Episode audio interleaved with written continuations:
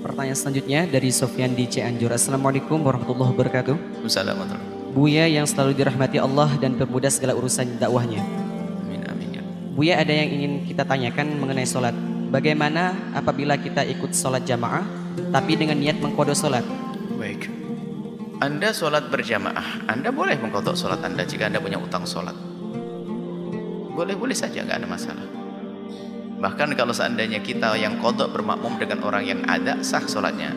Cuman jika berbeda tentang sholatnya, sholat jamaahnya tetap sah, cuman tidak mendapatkan pahala jamaah. Itu saja.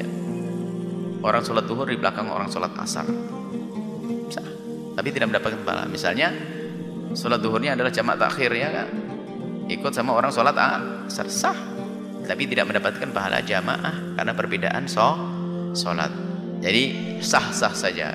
Orang sholat fardu berjamaah bermakmum dengan orang sholat sun, sunnah sah, tapi tidak mendapatkan pahala jamaah. Jadi sah-sah saja.